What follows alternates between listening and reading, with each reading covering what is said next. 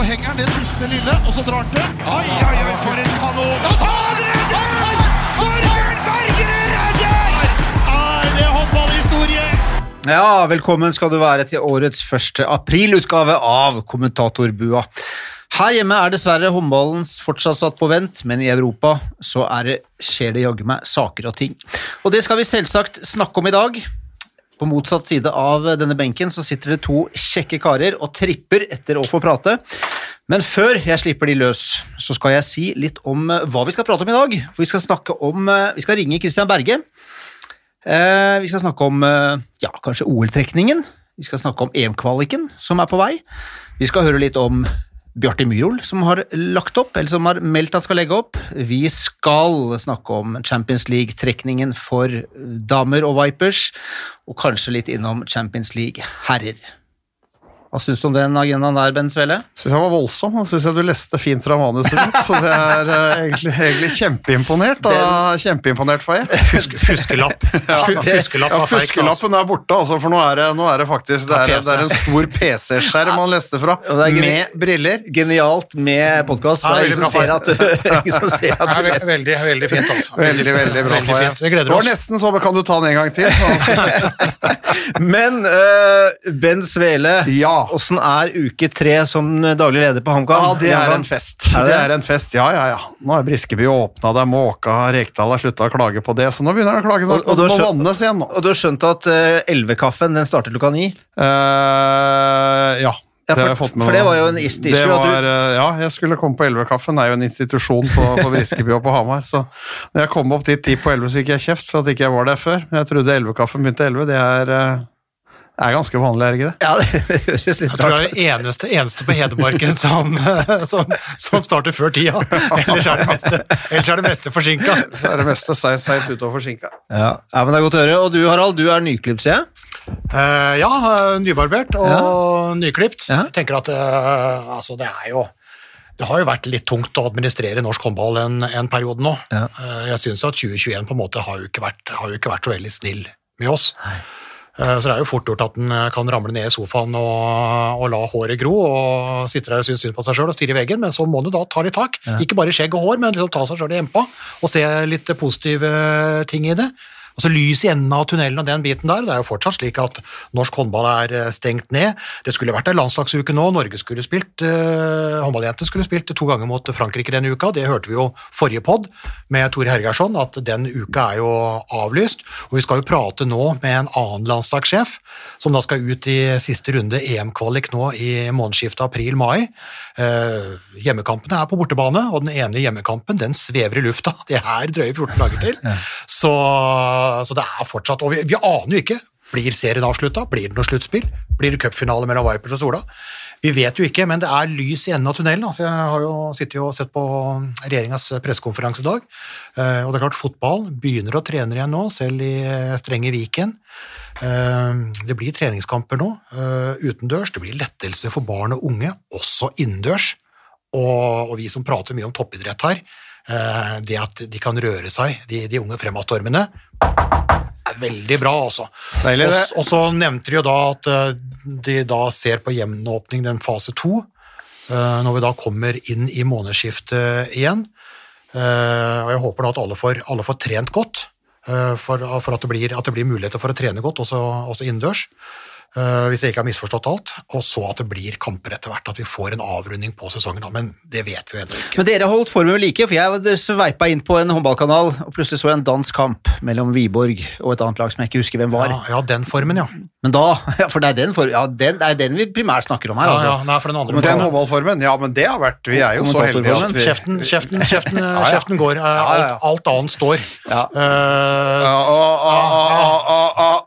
skal vi ta den om igjen? Med et par unntak, men da må vi, da må vi over igjen med en annen, eh, annen, annen pod som går på, går på, det området. Ja, vi, vi holder punktet, faktisk. Ja, det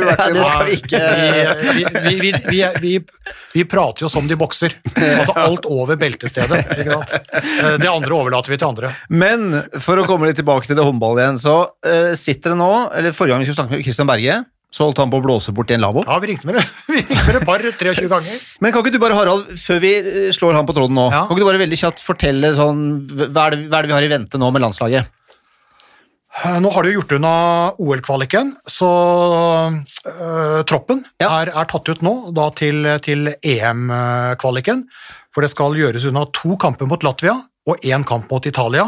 Så er EM-kvaliken oppe. og Latvia, Italia altså, EM, altså Norge kommer jo til EM, det er jo ikke det om å gjøre. Men disse kampene her, det kan vi jo høre litt fra med Christian Bergum etter hvert, jeg tror de blir ganske viktige. For i OL-oppkjøringen så rekker ikke Berge så veldig mye mer av offisielle kamper enn det her. Så den uh, uka i, uh, i, uh, i utgangen av april over i mai blir, blir veldig viktig, altså. 28., 29. og, og 2. mai. Skal vi se. Hei, Kristian. Jeg tror ikke han er Skal vi på se om du kommer i kåra på høyttaleren nå. Er du der nå? Han er der. Han er ikke her. Han, han er jo ikke her. Det kan ikke gjøre han noe med. Jeg har kobla på den ledningen jeg har fått, jeg. Ja, nå er han på! Der Ja. Ja, ja, vi Nå er har på. full, Jeg vet full, ikke, full kontroll. jeg vet ikke, Christian Berge, du er jo vant til et sånt støtteapparat, men vi da som er nødt for å ha daglig leder i HamKam som teknisk leder av kommentatorbua, hva tror du om det? Er han, eller er han ikke på lufta? Han er på lufta. Altså, det er i hvert fall større sannsynlighet for å lykkes her enn Nå- det Berge gjorde med Nå, nå spurte jeg faktisk eh, Berge, nå kan Jeg må forsvare meg sjøl. Ja. ja, Hva tror du, Christian? Nei, han gjør vel den jobben bra, gjør ikke det? Som den gjør andre jobbene bra. Ja da. Ja da. Du er hyggelig, du er hyggelig som alltid. Ja da, prøver det. Ja, det er veldig bra. Men du, sist, sist vi prøvde deg, så hadde du en velfortjent påskeferie oppe på fjellet. Vi fikk jo aldri, vi fikk jo aldri tak i deg før, før, før podkastinnspillinga var over. Hva var det som skjedde? Nei, det var litt uh, uflaks uh, oppe på fjellet. Vi, vi har slurva litt når vi satte opp uh, campen vår. Det kom et virkelig vindkast og uh, tok med seg hele campen utover, utover sletta. Så vi måtte bygge den opp på nytt igjen. Det lønner ikke seg å slurve i, i grunnarbeidet. Nei, du har ikke fått med deg de her Monsen-episodene, altså? Uh, jo, jeg har gjort det, men uh, jeg har det litt travelt når vi skal sette opp ting. Det ser veldig flott ut, men uh, grunnmuren er ikke så stabil. Han er ivrig etter å fiske, han gidder ikke å bygge, ikke sant? Nei, det er det jeg skal gjøre. Men, men hvor, var det, hvor var det du var hen, og hva var utbyttet? Eh, Ja, det ble én fisk på Meldalen, eh, i nærheten av hytta vår. Så er Koronarestriksjoner. Det er jo sånn, Jeg skulle egentlig besøke mor og far, men eh, vi kunne ikke, vi var for mange. Så da måtte vi bygge oss en klepp. Ja. Eh, ja, sånn er det med restriksjoner. Ja, men da fikk du gjort unna OL-kvaliket med bravur, og så fikk du slappe av eh, litt, og så har du gått i gang nå med, med uttak til EM-kvalik osv. Uh, hvordan har jobben med dette her vært? Ja, men det er jo utfordrende. Eh, I og med de restriksjonene vi har, så, så er det ikke noe tvil om det. Eh, Man satt jo en del diskusjoner med meg sjøl og de andre trenerne om, vi, om, om hvordan det kunne se ut. Vi skal jo spille tre kamper der på to da, på ei uke. Eh, Og jeg ønsker jo ikke å ha så veldig mye belastning på samtlige spillere. Sånn at Vi ville først og fremst dra med en stor tropp, det var viktig for oss. Prøve å fordele spilletida så godt som mulig, men samtidig ha et blikk på at det her er den samlinga vi har før OL.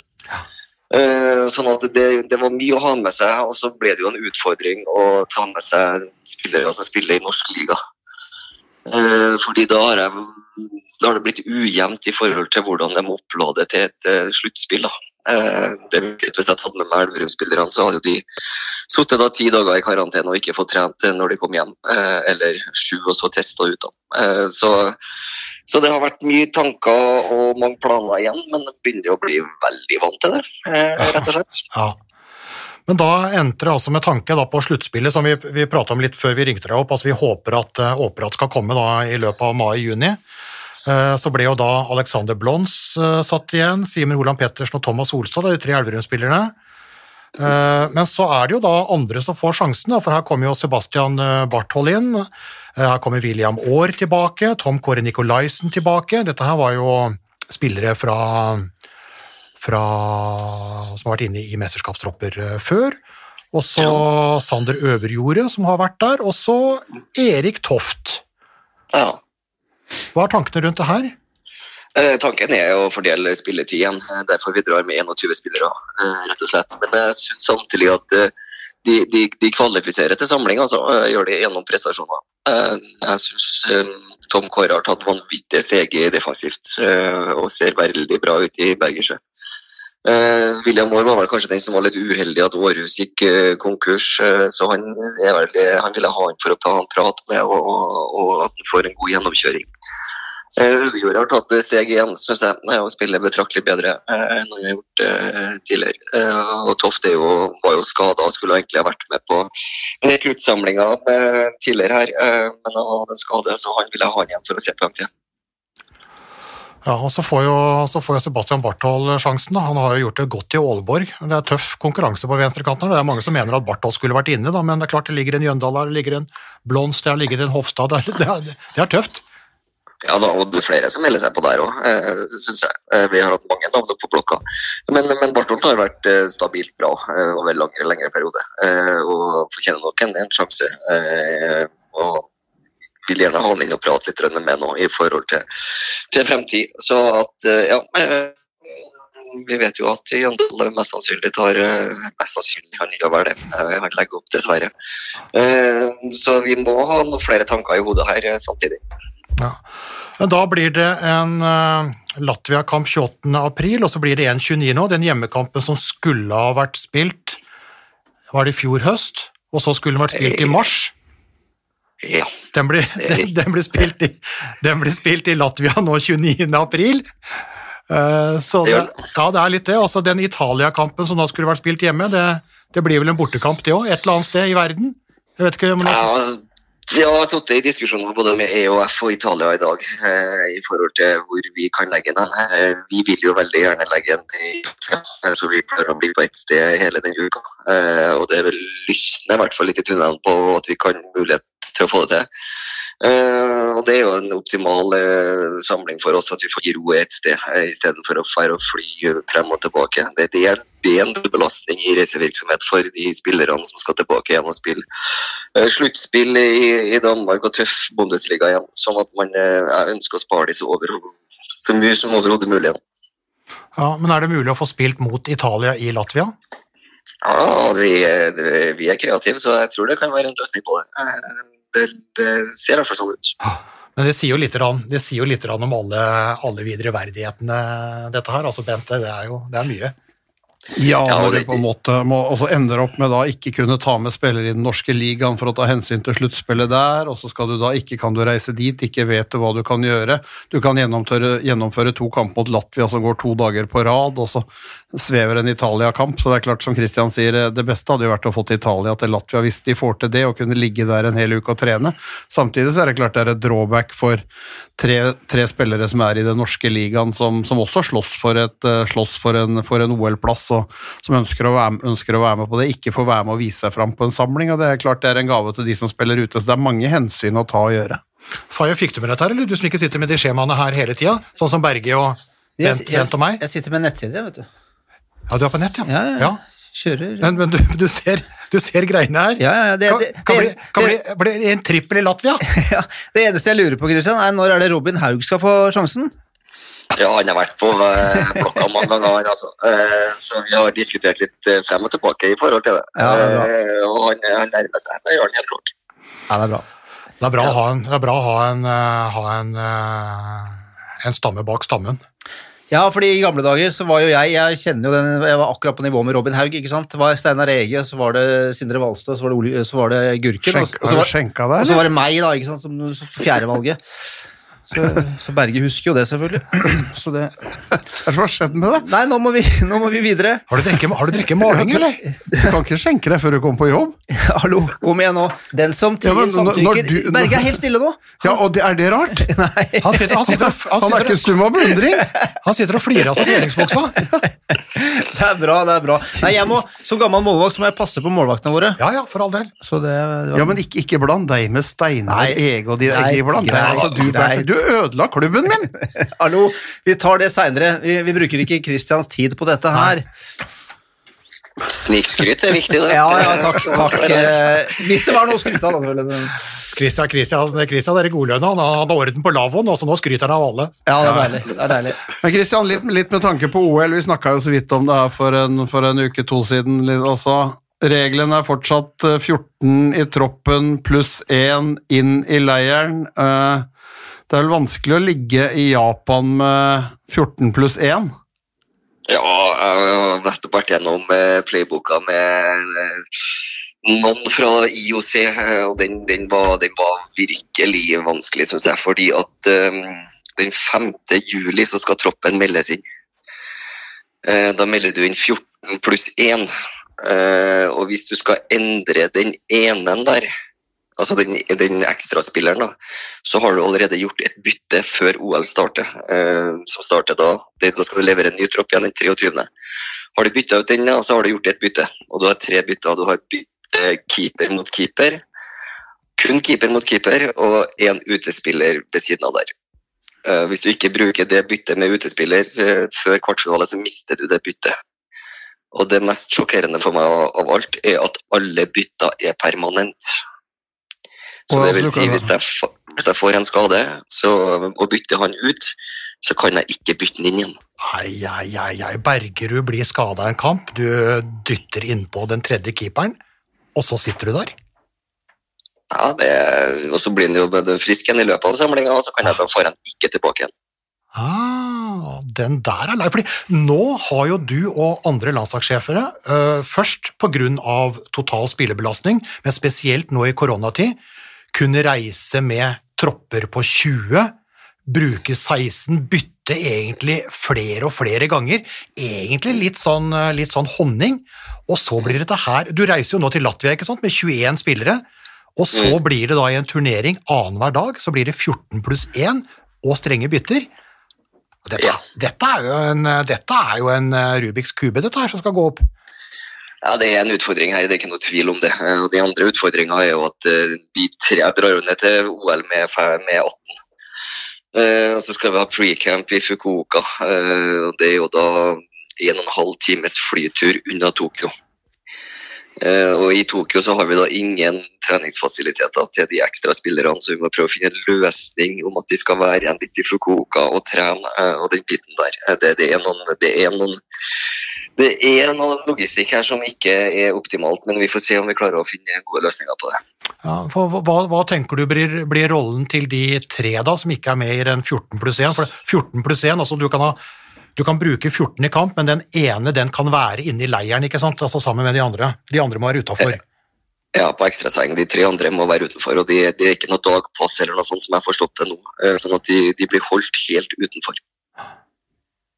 Så det er Du skal være rimelig hard i pappen, som jeg sier, eh, hvis du skal være igjen eh, og holde deg godt i form eh, der. Det er en rolle som er krevende, og det må være en rolle som spillere er virkelig villige til å omfavne. Men, men gjøres det unntak hvis det er noe koronasmitte, da? For kan jo, man kan jo bli slått ut med to-tre mann, og så sitter du igjen med ti. Ja, De har ikke kommet ennå. De skulle komme i slutten av april. Eh, Så kommer det da en, eh, en eh, regel på, på det. Eh, Jeg er litt spent på å vite den, rett og slett. Ja, for Bent, jeg var jo i Tokyo på vei til VM 19 med kvinnene i Kumamoto og røra litt rundt der noen dager. og det, det er ikke bare slik at du kan ta drosjelappen og kjøre drosje i mellomtida mens du venter på en ordeplass, eller også?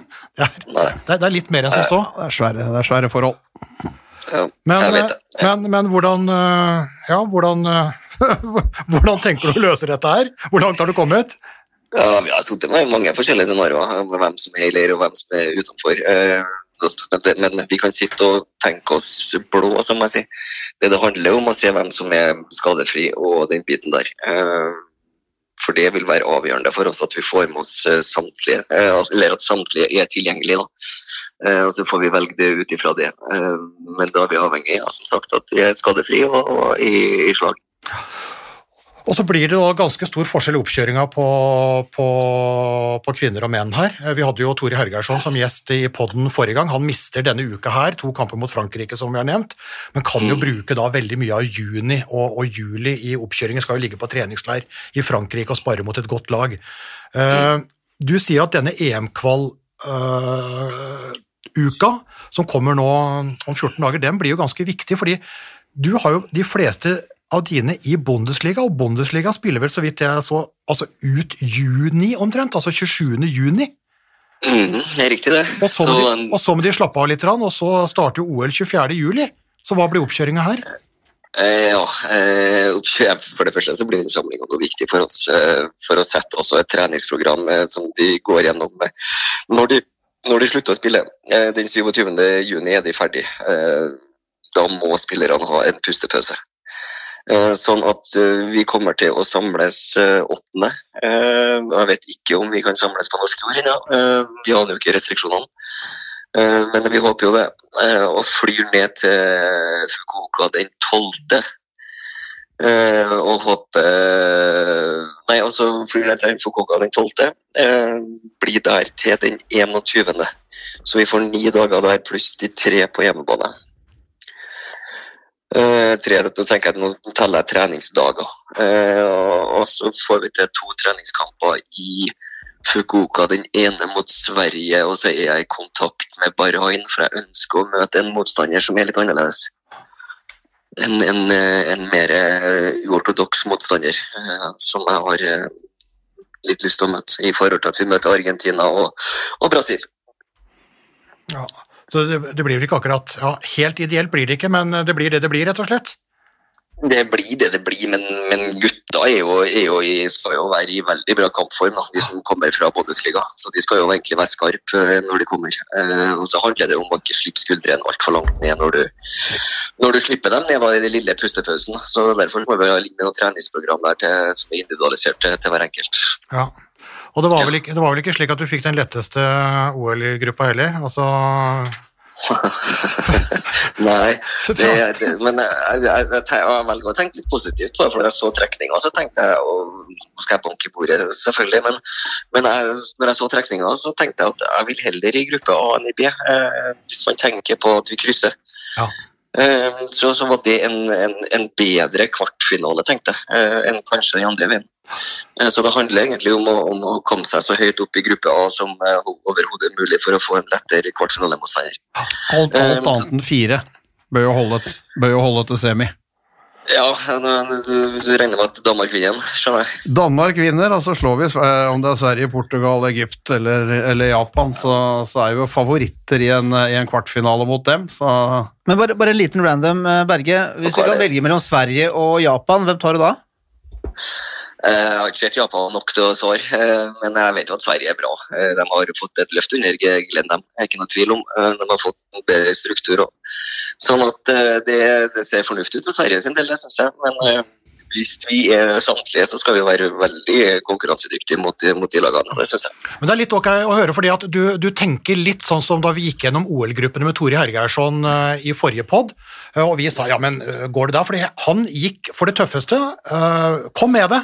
Eh, Vi er nødt for å ta alle uansett, og så ser du da at eh, du skal bli blant de fire. Og da har du en kvartfinale, der er det tøft uansett, men kanskje kan du få litt lettere kvartfinale hvis du er i en litt vanskeligere innledende gruppe, fordi det er Frankrike igjen, altså alltid Frankrike, uansett. Det er eh, marerittmotstander Spania, det er Tyskland, det er to søramerikanere som jo er gode, altså Brasil og Argentina. Nå ble jo Brasil feid i OL-kvaliken, men det er jo ikke noe, det er jo ikke noe hvileskjær, det er ikke noe walkover, det er eh, tøffe europeere og tøffe søramerikanere. Ja, ja, jeg er helt enig med. Jeg kan jo tenke at vi var jo likt siden med, med Danmark. Hvis vi da har bytta gruppe, da, Danmark og Norge nå, så hadde jo helst ikke ville vært i B-gruppa og kommet i en kvartfinale mot den gruppa, tenker jeg. Så det tenker nok litt de andre lagene som er i gruppe B òg, tenker jeg. Så du er Eh, fornøyd, det altså? nok Ja, eh, sånn Ja, i grunnen nok. Jeg har vanvittig lyst på et forsøk til mot mot eh, Spania. Eh, og jeg visste jo at når Frankrike kom i den pulla, så var jeg jo bomsikker på at vi skulle komme inn, for å si det sånn, for det skjer jo hver gang. Ja. Så det, er, det er noen revansjekamper her vi er ute etter, altså, både mot Frankrike og, og Spania. Ja. Og så møter vi jo et tøft fysisk lag i Tyskland da, eh, ved siden av, så det blir, ja, det blir, det blir moro først og fremst. Ja, det blir, jo, det, blir jo, det blir jo fantastisk. Og så får vi se, og så har vi jo nettopp eh, Vi har jo nettopp, eh, nettopp hatt, en, eh, hatt en prat med, med landslagskaptein Bjarte Myhrol òg, som har sagt at det blir OL, og så er det over. Eh, trist, men eh, det er vel for deg som alle andre mulig å, mulig å forstå ut ifra det han har vært igjennom. Ja, uff, når kroppen begynner å hangle, og det, det er smertefullt hver dag du står opp og skal karre deg på trening, da er det går utover motivasjonen. Altså.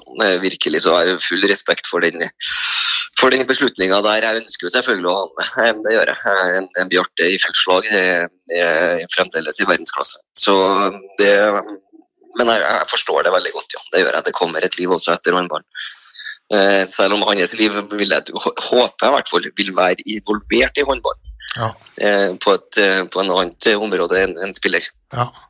Og så må vi jo satse på at han blir med i OL-troppen, for det er jo noen tøffe valg der. Når du skal ned på 14, så må du du må jo kaste ut en kant, eller kaste ut en høyre bekk, eller kaste ut en linje, eller Myrhol blir med. Ja ja, men, men skal, vi bare ha, skal vi bare ha en avtale om det, Christian? Myhrol, Christian.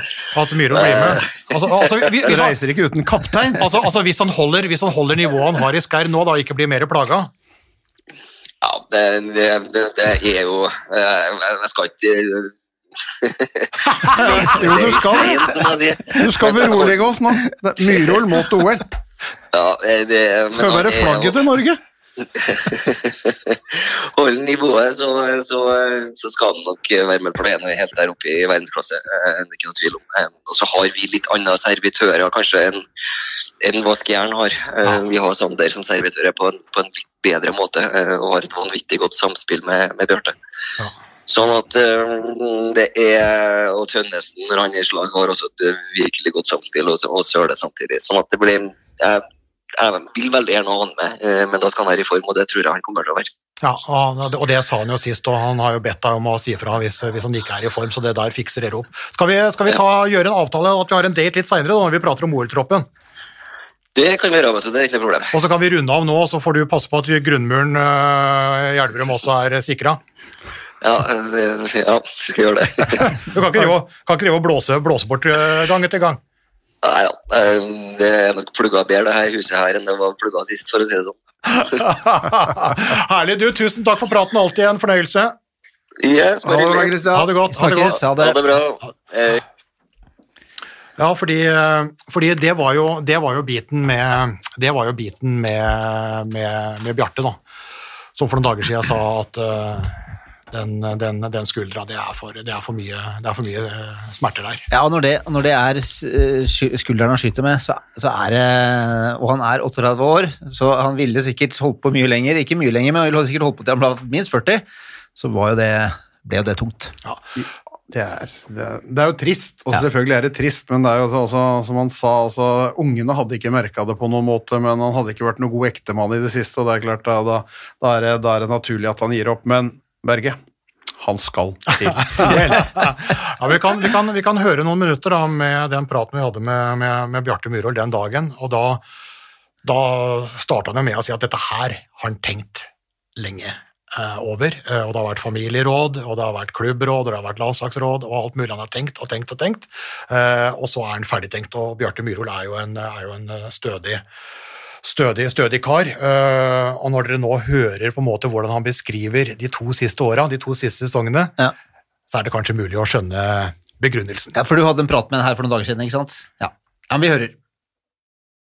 Ja, altså Helt uh, surrealistisk og merkelig uh, år. Uh, de, egentlig de siste to åra, hvor det starta med sånn mage, magetrøbbel. eh, og, og rota med det eh, hele fjorårssesongen.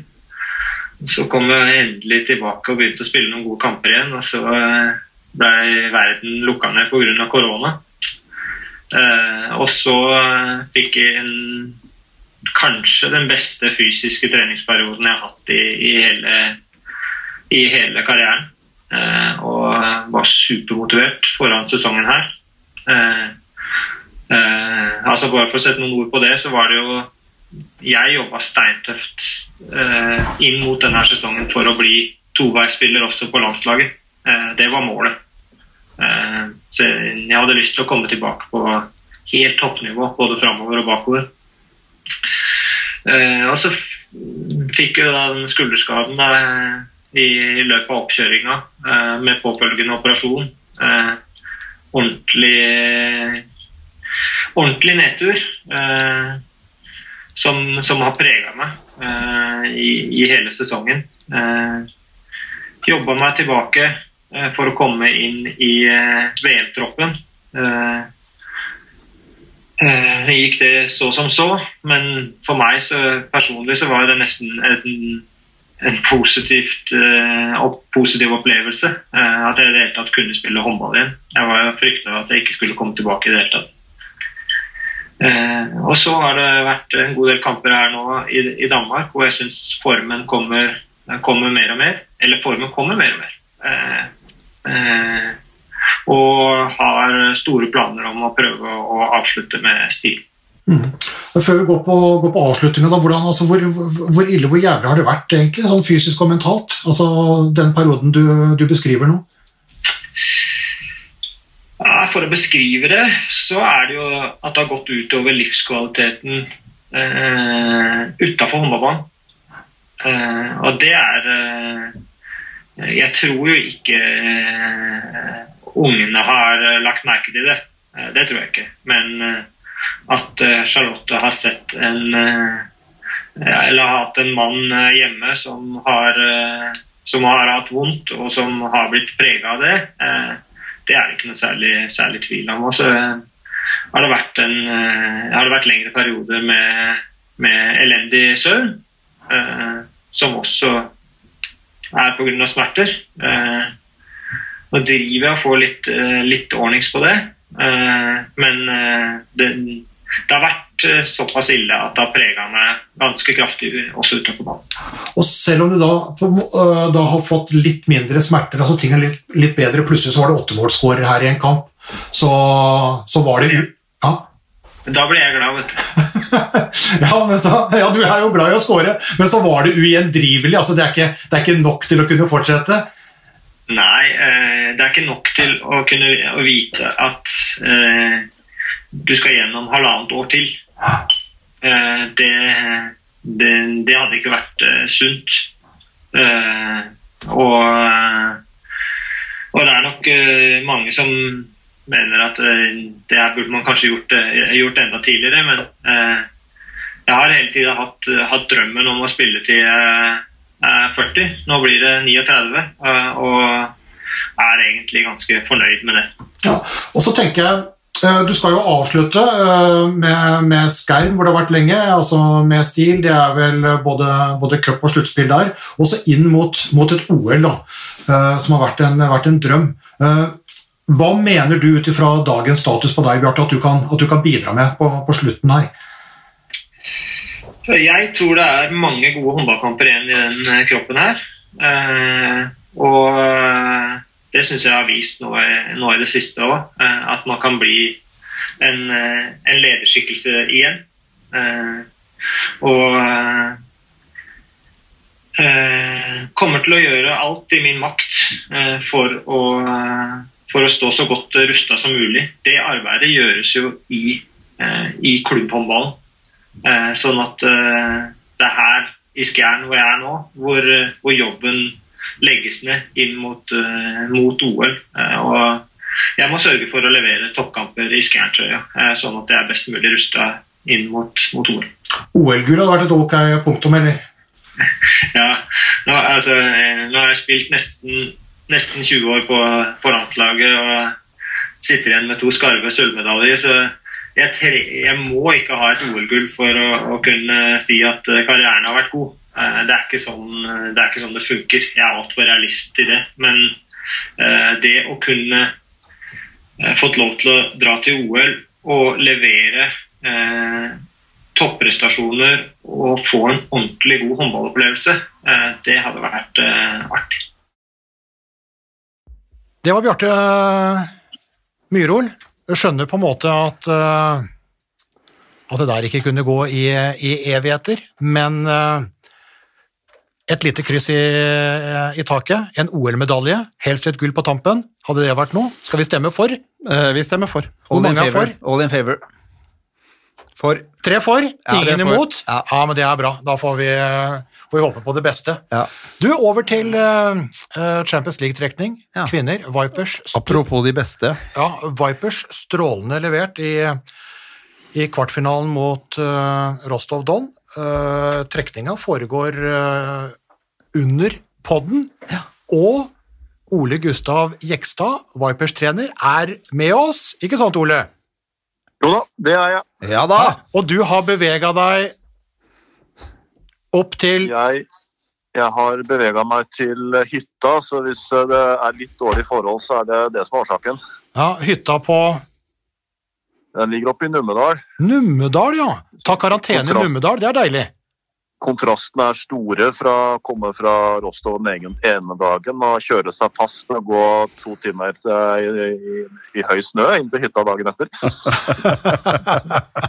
Ja, det er kontraster, men, men eh, har vi, skal, vi skal prate litt om den, om den sesongen og så videre, og dere har vært i en del karantener. Men uh, den karantena her, etter det dere gjorde i, i, i Rostov, det er kanskje den letteste av, av dem alle. ja, det er den beste så langt. Det er jo det er en veldig spesiell eh, sesong, og på, på, en måte så er det jo deilig med, med, med noen pauser, selv om vi gjerne skulle spilt mange norske kamper. Men heldigvis har vi jo levert i eh, Champions League. Det har gått veldig bra, egentlig over all forventning, i og med at vi har stort sett spilt borte hele vinteren. Ja. Du, trekning er akkurat øh, gjort. Uh, unngikk Gjør i semifinalen, fikk CSKA Moskva.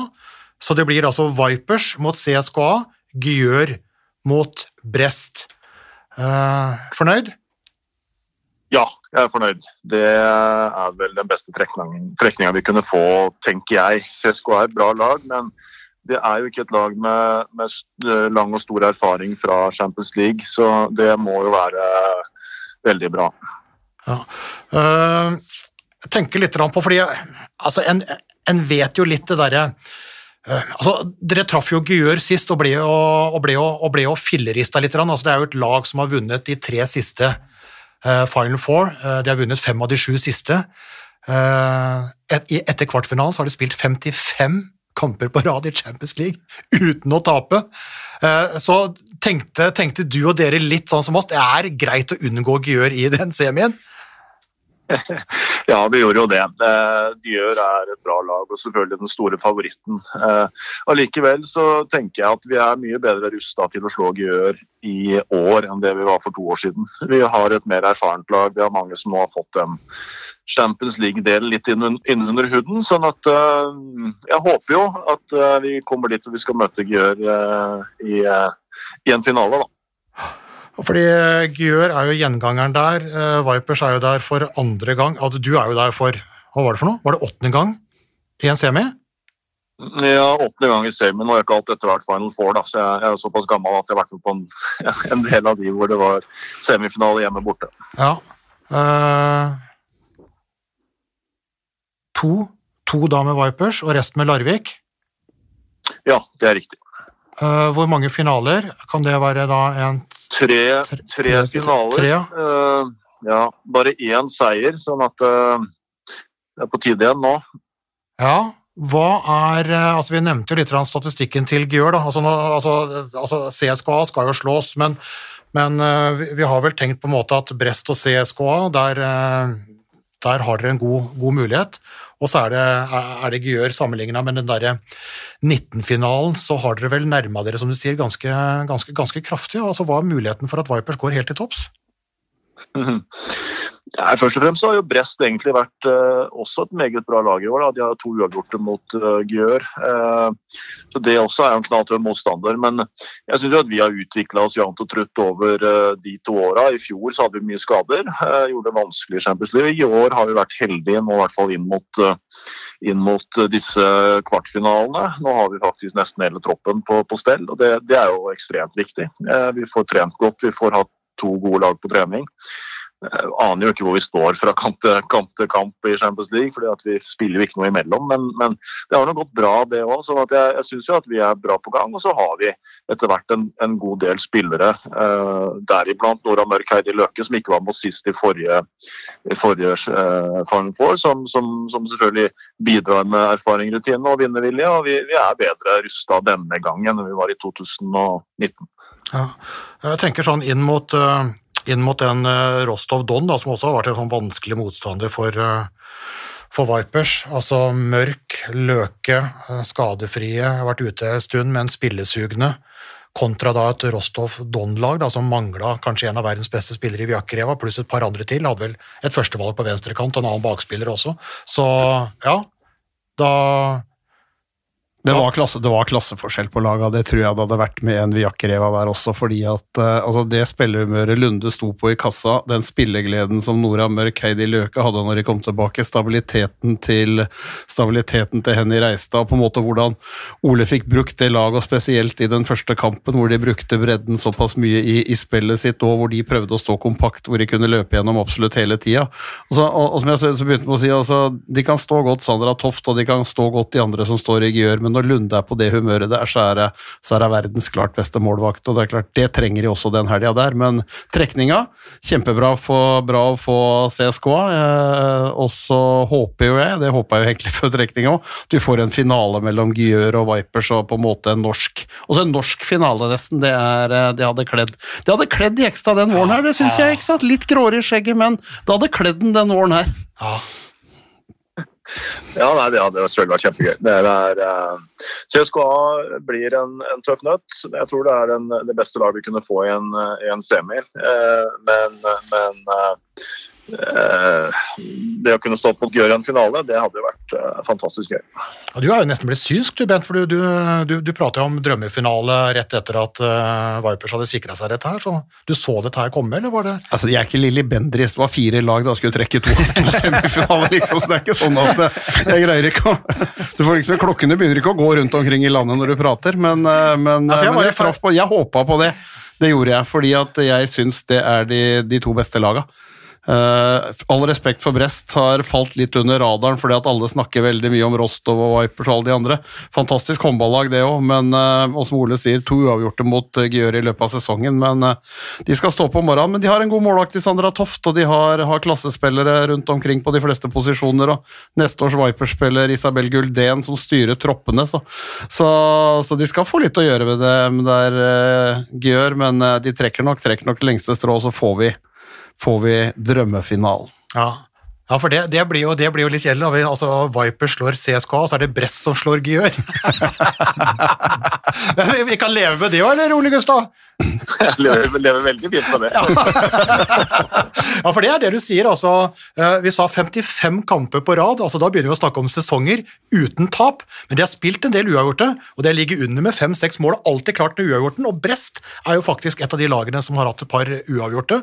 Og hvordan de da tok sin franske kollega Metz og fillerista dem i kvarten, litt sånn som eh, Vipers gjorde i, i Russland, eh, det er, det er imponerende. det altså. Så, ja, de skal, vel, de skal, vel, stå opp, de norske i, i, i Gjør med gjengen for å ta, for å ta Brest òg, jeg vet ikke, Ole?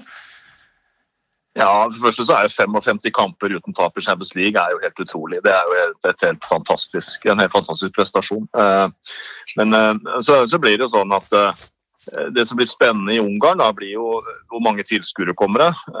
hvis det er full hall, så, så heier jo 90 eh, på, på, på, den eh, på Gjør, det, det, betyr jo en god del. Eh, så det, det blir spennende hvordan setupet blir.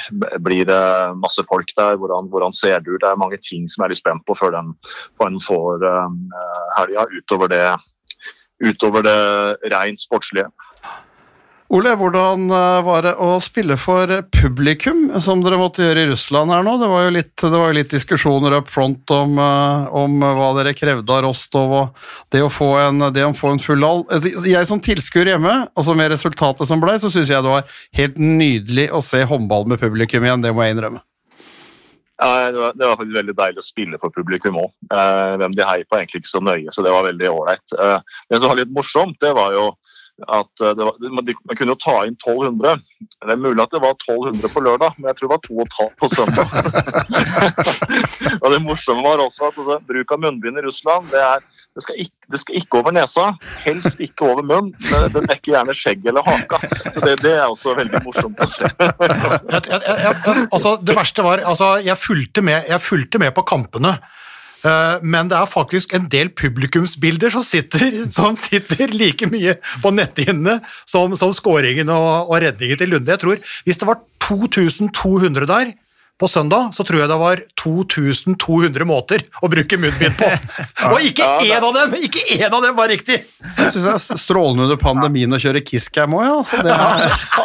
Hadde du kisscam? Ja, hadde kisscam. Ja, deilig. er så, Det er så nydelig, særlig du sitter ved siden av en ukjent en, og så blir du zooma inn, så bare gå til. Ja, det gir bare hylende faen, altså. Det er, det er, helt, det er nesten litt sånn imponerende, Ole Gustav. Altså litt skremmende på en måte, men nesten litt fascinerende òg.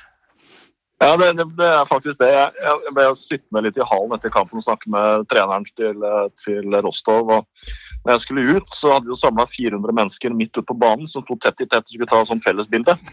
Og alle de strømte ut når jeg skulle gå, så jeg, jeg sto som en forskremt katt inni et hjørne og gjemte meg bort inntil Så bussen måtte vente ti minutter for meg for den kunne kjøre. Jeg torde ikke, jeg ikke bevege meg ut. Nei, så det, er, det, er veldig, det, er, veldig, rart hvordan ulike nasjoner håndterer det der. Altså det, jeg er redd det er ganske store mørketall i Russland. Jeg vet ikke hvordan det ligger an med vaksiner, men eh, det er ganske fascinerende bruk av munnbind som, ja, som pyntegjenstand. Ja, de har jo sin egen Sputnik-vaksine.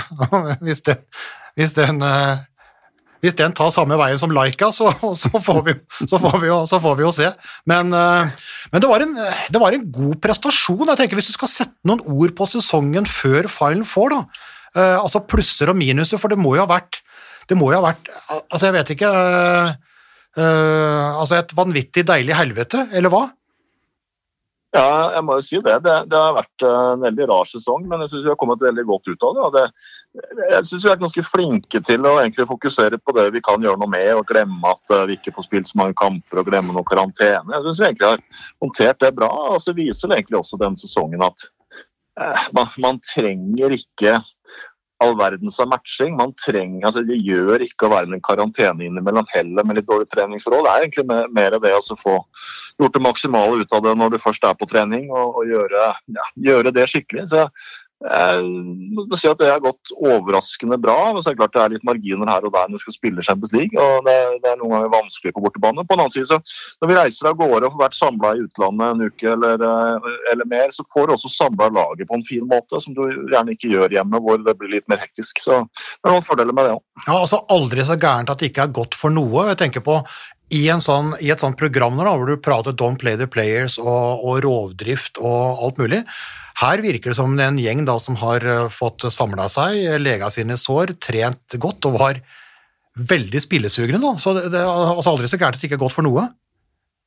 Nei, altså, så tror jeg vi har, altså, vi har jo kunnet mønstre to gode lag på trening stort sett som kan matche hverandre. og Det har nok vært ekstremt viktig denne sesongen. Vi har hatt, vi har hatt uh, to ganske vasse lag hvor det blir temperatur og det blir litt trøkk på trening. og Hadde vi ikke hatt det, så tror jeg ikke dette hadde gått. Men, men heldigvis så har vi kunnet gjøre det i treningssituasjonen, og det har nok kompensert for manglende matching i Norge.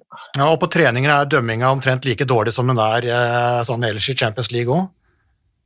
Jeg prøver å dømme på bulgarsk tredjedivisjonsnivå. Ja, det, det, er vel det er Champions League-nivå, det er på de de pleier å sende ut ja, damene. Ja, sånn at, uh... Nei da, det er, jeg, det, er, det er, ingen av oss trenere som er spesielt populære i disse spilløktene. Så ja, vi, vi, er ganske dårlige òg. Men uh, apropos dette her med spill, da. altså Vi, vi sitter jo og, og venter. Uh, blir det en avslutning på sesongen hjemme? Blir det en cupfinale? Blir det et mini-sluttspill? Mini For jeg tenker, når vi ser fram til helga da, i Budapest med Final Four 29. og 30. mai, vi er sånn seks-sju uker fram. Altså, hva trenger Vipers i den perioden her? En kan ikke bare trene med to gode lag? Det kan jo hende det blir sånn, eh, men jeg håper jo virkelig at vi får spilt noen norske kamper og at vi får avgjort uh, både serie og, cup og gjerne sluttspill også. Men det blir, det blir, spennende å se da, om, vi, om, vi, får til det. Jeg tror, jeg tror, uansett at vi skal klare oss inn mot en Final Four selv uten norske kamper. At vi skal få lagd en treningshverdag som, som, blir bra. Ja, for du, eh, du har jo også på en måte, altså du har jo ansvaret for Vipers, men du har jo også ansvar for ganske mange som skal inn og forsvare Norges eh, ære i, i OL i Tokyo. Så ja, det, det, det, det, er klart at vi har hatt noen som har vært ute i OL-kval. Eh, det gir jo også litt matching. Bra samarbeid med Torer på, på både bruk av spillere og hvordan det skal henge sammen. Så jeg mener at det, det er et veldig fint vekselbruk for oss landslag, klubblag, med, med spillere på begge, begge steder. Eh, Men eh, hadde vi spilt full sesong med alle kampene, så er det klart at det er et knalltøft program. Og det er en rovdrift for spillerne med to mesterskap og, og full pakke for øvrig. Sånn at eh, det, det, sånn som det har vært nå, så har det jo egentlig vært litt behagelig, fordi at vi har kunnet ja, bruke lang tid på, før hver kamp. Ja. Og så skal jo du faktisk kommentere OL-turneringa for Discovery. Eh, Så du er vel faktisk avhengig egentlig av å preppe de her så det blir best mulig for å gå lengst mulig, med tanke på arbeidsgiver der òg. Jeg kommer til å være kjempekritisk hvis ikke de, hvis ikke de henger i stroppen der, ja. Det er helt riktig. Hva var det jeg sa? Første, første Vipers-trening etter OL blir bra. Da sitter her og skjelte ut spillerne sine i to uker. Det blir deilig. Ja, nei, det, blir- det blir jo veldig spennende, det òg. Det, det blir jo vel et veldig rart OL med, på alle måter. Så det, det, blir, det blir merkelig hvis det foregår så isolert som det ser ut til. Ja, eh, For dere blir jo sittende hjemme og kommentere, og så blir det jo liksom ikke slik at du løper rundt der og treffer alle de store stjernene i idretter. Du blir jo, du blir jo båsa inne i den eh, landsbyen nå, så har jeg forstått, så det blir, det blir et litt annerledes OL. Ja, det er jo det. Jeg hadde jo gleda meg til å dra til Tokyo og dra til han der eh, Kjakan som har tre Michelin-stjerner og servere sushi ut fra et hull i veggen. Men uh, får ta det en annen gang. Ja, vi får ta det en annen gang, rett og slett. Ja, kan stå ved sushi, det er ikke så farlig, Ole. Jeg var, det, var i Japan i tre uker, men jeg rørte ikke det. altså. Agn spiser vi ikke. Ja, Ja, det, er, det er nydelig, Bent. Det er nydelig. ja, men, eh, men eh, der akkurat, Overbevis meg. akkurat, akkurat, akkurat, der, akkurat der går Bent i bleier. Uh, han, han gjør ikke det ellers. Ik, ik, ikke, ikke, på, ikke på østeuropeisk brennevin og en del andre ting, men akkurat på sushi der er han dårlig. Altså. Men du, når vi er inne på avrunding her, du skal jo få, du, du skal få slippe å bruke hele karantena på å sitte og skravle med oss, men, men sånn på hytta med peiskos og så, er det noe rødvinstips, eller er det noe annet? eh? Ja, altså, det, er, det er mange gode tips. Eh, det er jo det. Jeg har prøvd å ta med meg litt rødvin fra de ulike landene jeg reiser i. og det, Da kan du gå på noen ordentlige blemmer, men, eh, men det begynner å hjelpe etter hvert. Jeg har ikke tatt med meg noe fra Russland. Det har jeg ikke gjort. Nei, for der er, det, der er det vodka, men er det noen gode er det noen gode rødvinsland? Altså, det blir jo mye Øst-Europa sånn. Da er det, hvor, hvor, hvor finner man uh, de skjulte perlene? Den finner du i Ljubljana. Sliven. Ja, altså, Vi, vi prater om rødvin, Bent. Slovensk vin er blitt mye bedre. Moldova har jo noen gode. Ja. Uh, Fins noen gode i Montenegro. Så er det, det, er, det er blitt bedre og bedre de siste 10-15 åra. Uh, der uh, får bare komme innom uh, For å komme innom, karer, så skal, skal, skal du få smake noen, noen gode. Ja, Du har ikke noe fra pizzaen i Ljubljana? Nei, der har vi bare den, uh, den berømte tynneren som tar tannstein og alt mulig annet rart. Som jeg våkner opp og, og svetter og skriker av om natta. ja. Eh, det, det hører med til historien, Faye, at, eh, at eh, det er jo tilbake til Larvik-tida. Larvik, eh, Larvik-tida. Og da de gikk inn i finalspill og spilte mot Krim i Slovenia, Slovenia jeg var på en pizza, pizzarestaurant og prøvde, prøvde å få den bak baren til å servere den dårligste slivoen eh, de hadde. Altså dette plommebrennevinet som de lager, eh, lager på, på Balkan. Nydelig. Eh, Og det var eh, å, å smake på det, det var omtrent som å suge seg fast i brenselsinntaket på en Boeing 737. Ja, det, det har vi snakket om, men Ja. eh, Jekstad, jeg må spørre. Du spilte jo på landslaget med Bent på 80-tallet, tidlig 90-tall. Rundt der. 80-tallet var det vel. Ja. Hva var det dere, Når dere skulle ta en fest, hva var det gikk i da? Hva var det Bent uh, helte i seg?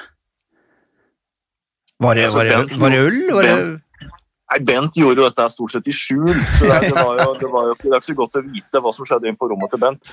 Så det- Men, eh, må spørre men, Kikki. eh, så Bent var jo vel en ølhund den gangen, var det ikke sånn, Bent? Jo, jeg var det, skjønner du. Jeg var det, skjønner du. Eller han jeg bodde, bodde på rom sammen med, var ølhund Kjetil Larsen.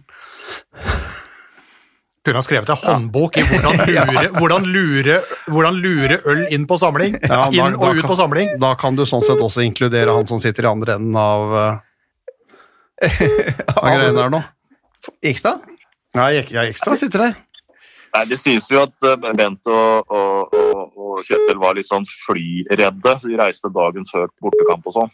Den flyskrekken var jo bare tull. Det var Ja, å de- komme seg av gårde litt tidligere og ta en øl på toget. Det var, det var, det var sannheten. Viktig del av det hele. Trondheimstoget, det er undervurdert. Altså. Så mye må jeg si. Ja, det var, eh, det, var, det var gode tider, men vi unner deg en velfortjent, eh, en velfortjent karantene med god, god rødvin østpå. Så gleder vi oss også til, til anmeldelsene, og kanskje en prøvesmak eh, etter, etter karantene. Det, og inn mot slutt... Dette her, det er veldig mye å se fram til nå.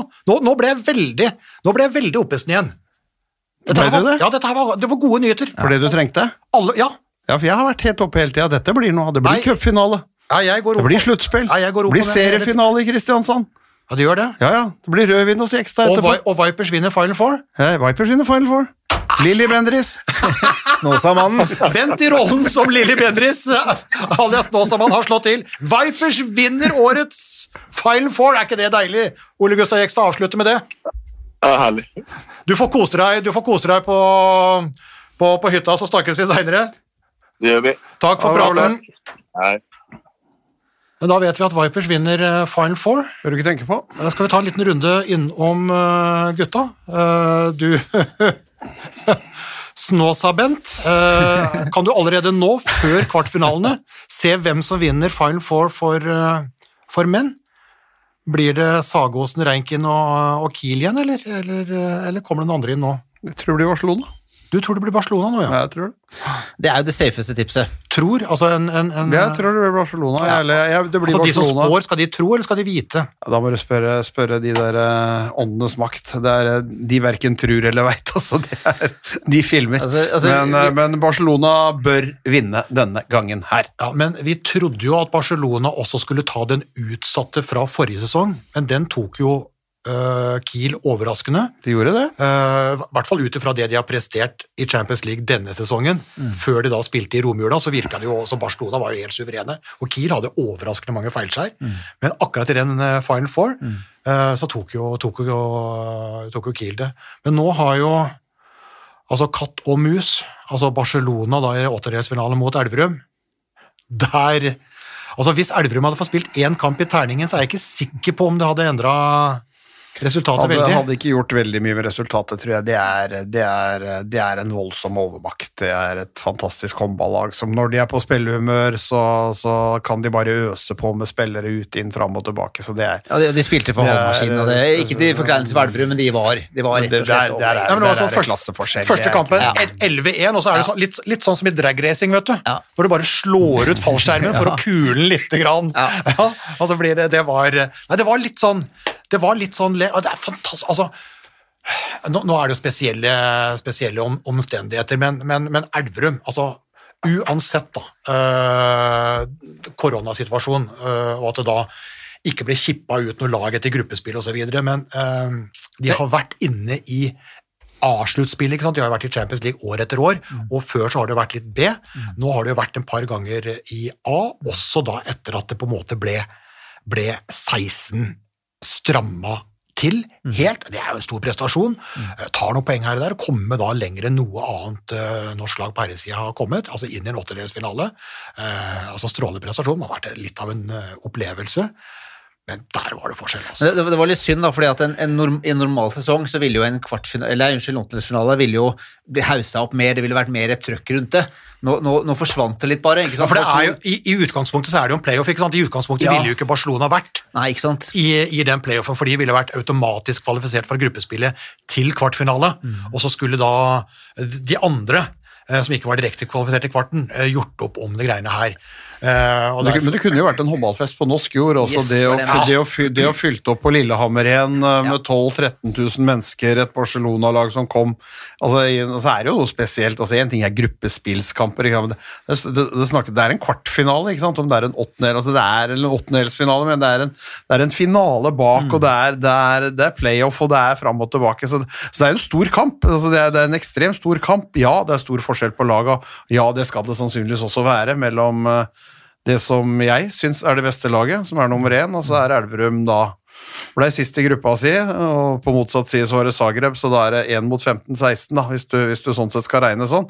Samtidig så har de også vært ekstremt lojale mot TOF Elverum, i løpet av sesongen ved å reise og, og ligge de periodene ute for å få gjennomført alle kampa. For det er klart et Elverum på hjemmebane kontra bortebane eh, er, er også stor forskjell, forskjell i Europa, så de kunne raska noe mer poeng der, men de har vært inne blant topp 16. Vi håper at de sånn sett får lov til å være med der et år til, hvis de kvalifiserer seg for den plassen fra Norge. Ja, da, og da spør jeg igjen spåmann. Ja. Fordi eh, dette her eh, var jo ikke Det var jo også Altså, de kvalifiserte seg jo til topp 16, og det var en beintøff kamp. Det nåløyet kom de gjennom, og de hadde jo jobba i flere sesonger, blant annet med Lillehammer-arrangementene og masse annet for å få til det. Men blir de i gåseøyne valgt inn, får de wildcardet neste sesong òg, etter da den der koronasesongen da, hvor norske koronaregler har gjort det vondt og vanskelig for eh, Vipers og Ole Gustav Jekstad, som vi hørte, og Elverum? Eller blir vi nå spytta ut? De er fortsatt blant de aller beste i klassen, på, på, hvis, vi tar vekk håndballen. Nei, men også på sosiale medier, arrangementene. det er fortsatt, det er fortsatt et høyt publikumssnitt eh, relatert til sesongen i fjor, og, så de gjør jo alle de tingene. Jeg tror de har pleasa EF ganske mye med å være på tilbudssida, det å kunne reise ut, og så vet vi at Zagreb, Kroatia, kommer mest sannsynlig til å få lov til å være med. Så vet vi at Bucuresti har rusta opp, men Soraindo gjør litt sånn som Elverum signerte en Abalo. Men uh, vi får jo krysse fingrene og håpe for at, uh, at, vi også har et lag i det aller aller beste selskapet neste år. Det, det ville vært ja, fint, fint for norsk håndball. Har vi brukt annenhver pod, uh, nå er vi på nummer 47, til å skjelle ut IOF, så det er vel bra hvis ikke IOF hører på alle våre, våre podder. Men, men, nå kan det hende at de bruker annethvert styremøte i IOF til å skjelle ut Norge òg. Eh, fordi at ikke kunne vi arrangere EM, og ikke kunne folk komme inn og spille mot Vipers, og ikke kunne folk komme inn og spille mot Elverum, og vi har trukket oss fra europacuper hist og, og pist, og Storhamar fikk ikke fullført, og Haslum og Arendal, de var ferdig Altså, det har, vært, det har, ikke vært, lett å forholde seg til Norge som, som, som verken som håndball- eller idrettsnasjon den vinteren her. Vi har løpt rundt med hendene over huet for alle prestasjoner som er gjort på utsida av norsk jord, og så har vi sagt noen andre vil komme hit for å prøve å prestere, så har vi sagt nei, dere. Det vil vi ikke ha nå. Syns det er best at vi reiser ut. Ja, Det norske EM eh, ble jo arrangert da i Danmark. Eh, den norske OL-kvaliken til gutta ble altså arrangert i Montenegro. Nå har vi akkurat sittet og prata med en landslagssjef som skal spille hjemmekampen mot Italia, kanskje i Latvia. Altså, eh, vi har jo, og Vipers var jo på turné. Spilte mot Ferencvaros da i, i, Budapest i Ungarn, det er jo ikke oppsiktsvekkende. Og så spilte de da gruppespillkamp mot Rostov Don i Ungarn. Så skulle de også spille mot Krim fra Slovenia i Ungarn. Da ble de kasta ut av landet fikk beskjed om å komme seg til Ljubljana. Så jeg vet altså den, den der norske håndballstrikken hos EOF Ryker den, eller holder den litt til? Det er jeg spent på. Også. Det, er, eh, det er, eh, kan helt sikkert telle imot eh, på et eller annet slags vis. Det er jo, jeg syns jo det er fælt at vi, at vi, sender folk verden rundt. altså Vi vil ikke ta imot noen her mm. som kommer i et chartra fly, setter seg inn i en lukka buss, kjører til en lukka etasje på et hotell. altså Hvis ikke vi klarer å ordne opp i det. Så, men, men, men, men, for all del, vi får ikke gjort noe med det nå. Men vi håper at selv med vanskelige norske myndigheter og vanskelige muligheter for norske lag til å ta utenlandske lag hit, at de fortsatt har den goodwillen hos EF, at de kan få lov til å være med. Det er jo nesten, er jo nesten uh, umulig å diskutere mot norske myndigheter når du ser på en måte hvordan vi da har kommet oss gjennom et drøyt år i, uh, i, i korona. Uh, Chartersveien er ikke enig. Uh, nei, Kari Jakkesson er ikke enig. Nei, men, nei, men apropos, apropos uh, Men det er heller ingen steder det er mer mørkt. Altså, apropos, er... altså, de er ikke spåmenn De er ikke spåmenn engang, altså. Eller spåkvinner.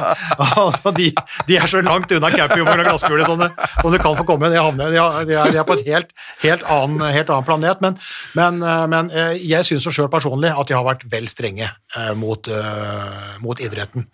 Eh, og at vi fortsatt eh, nå, midt i april, med smittetallet etter påske på det nivået her, fotballen begynner å rulle, og arrangementer tillates innendørs, at vi ikke kan si jo, dere kan begynne ikke bare å trene igjen, men vi skal, vi skal få avslutta håndballsesongen uh, i mai-juni. At, at, ikke det kommer opp, det, er, det virker merkelig, altså, når du ser på at vi, det, vi er det eneste som har stengt ned. og Hvis det var slik liksom at vi sammenligna oss, oss med Chile, uh, med Zimbabwe Eh, og uh, Thailand eller India, så hadde det kanskje vært klart. Men det er alle andre. Mm. Altså alle andre.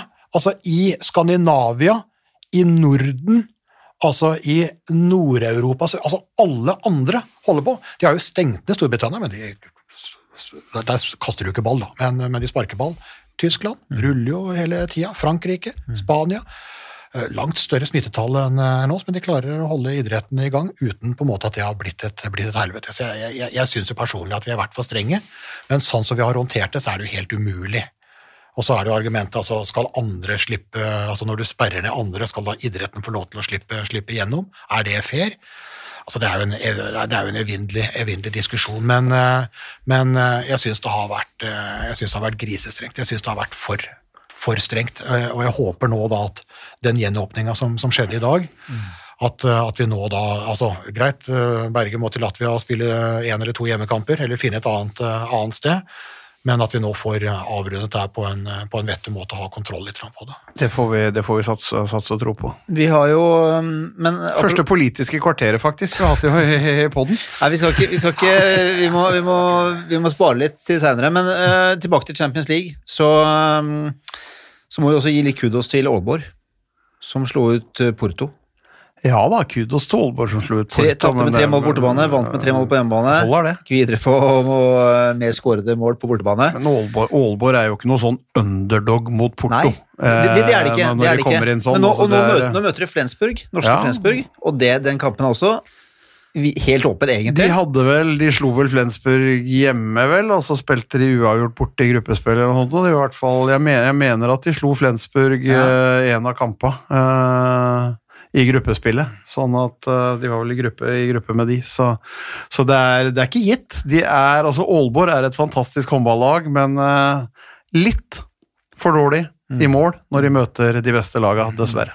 Men det er jo en del, det er jo en del som ønsker at det skal komme et norsk lag og bli da Skandinavias beste, du blir ikke Europas beste. Altså det, er for, det, er for, det er for langt når du ser på en måte nivået da til, til, til Når du ser hva de holder på med, både med Veszprem og, og, og Seged i Ungarn. eh, altså Når du ser de tyske laga, altså PSG, hvilke, altså Barcelona, altså hva de rår over, så er det jo Det er ikke et lysår fram, da, men det ligger, det ligger et godt stykke fram. Men mange har jo ment at uh, hvorfor skal ikke vi kunne gjøre det som, eh, det som i hvert fall svenskene gjør, eller, eller, eller danskene? Men vi ser at det er jo et Ja, det er et, det, er et, det, er et, det, er et, nivå, det er et nivå opp, øh, opp, opp der. Altså, Aalborg, Aalborg får jo nå til det Elverum på en måte drømmer om i det villeste og våteste. ikke sant? Ja, og så har de vel signa Mikkel Hansen, Mikkel Hansen. Mats Mensa, Ja, ikke sant? Ja, en Sånn ting er det hva de får til nå, men, Ja. men det, og, ja, det, altså, det, og det det kommer i tillegg, ikke sant? Ja, vi- opp der oppe. De må ha en bedre enn i Men, men kassa. håndballinteressen i Aalborg det, det er bra i Elverum også, men i Aalborg så er den jo helt ekstrem. Det er en liten by. Altså, Gigantium er jo, det er jo fantastisk å spille der. ja, du får jo inn på en måte to og en halv eller tre-gangen av, av, av terningen, ikke sant? Ja. Uh, Så det er jo, så det er jo den, eh, den biten. Eh, Håndballand, håndballby, og én ting er hva de har fått til nå, men det er klart når de begynner liksom Når Mikkel kommer, så må Ja. de bygge ut. Da må de bygge ut. Ja. Når Mikkel kommer med pannebåndet der eh, neste sommer. du er sommer. på fornavnet, fordi Kristian Kjelling sier alltid sånn Mikkel her og Mikkel der, Ja, men Mikkel Mikkel det er er altså ikke, det er ikke kompis, kompis med faren hans. Håndballåndenes makt, håndballåndenes makt, kompis med faren osv. Kompis med faren. Stemmer det. Sånn Flemming, at, Flemming. eh, Flemming. Flemming Hansen. Spilt mot han. Ja, Stemmer, stemmer. Er Husker ikke de bildene, bildene da Aldri med den ligaen der, du. Husker, Husker ikke de bildene hvor, hvor Mikkel Ja. og Bent sitter i sofaen og ser på, På bilder, bilder av Flemming, Flemming? Espen og Bent. Ja, ja, ja, ja, ja. Stemmer, Det var stemmer. This is, this is Det var tider. Er det middag snart? Ja, nå, Eh, ja, nå, det må vi vel sånn sett si, for jeg har sikkert noe Jeg vet ikke om du skal Nei, vi Sånn er det skal- på Tinder nå, forresten? Nei, vi, eh, Tinder er mørkt. Er det mørkt? mørkt alt, alt det der er mørkt. Ja, den, eh, Ikke sant? Men, Ja, men du det- må gjerne bruke podden til å sende en hilsen. Hvis det er noen, det er noen som sitter der lengselsfullt hjemme og venter. Det går helt fint. Ja, men det var vi skal godt, ta ja. opp dette senere. Men jeg tenkte vi skulle avslutte med en sang. Skal vi synge? Det skal vi ikke. Jo, Nei. Og, og jeg, jeg har ikke sangstemme. Nei. Nei. Vi skal synge. For HamKam Åssen var den igjen? Jeg ikke la oss, Vi har sunget den sammen, Bent! For HamKam? HamKam-gutta. Der hvor Der hvor, ja. Der hvor HamKam-gutta er, Blir det seier her og der? Refrenget er som alle vet. HamKam, HamKam, HamKam. Og med det så tror jeg vi sier takk for i dag. Vi kan, ta, vi kan ta flere vers. eh, Vi kan ta flere vers ved senere anledning. Eller det er mulig å booke oss. eh, Det kan dere gå inn på vår Instagram-konto og skrive en kommentar under. vi tar alt fra konfirmasjoner til eh, begravelser. To ledige helger før jul. Ja, bra, takk for i dag, og eh, vel møtt neste gang når vi er tilbake. Oi, oi, oi, oi, oi. Det er råsterkt. Så henger han det siste lille, og så drar han til. Oi, oi, oi, for en kanon.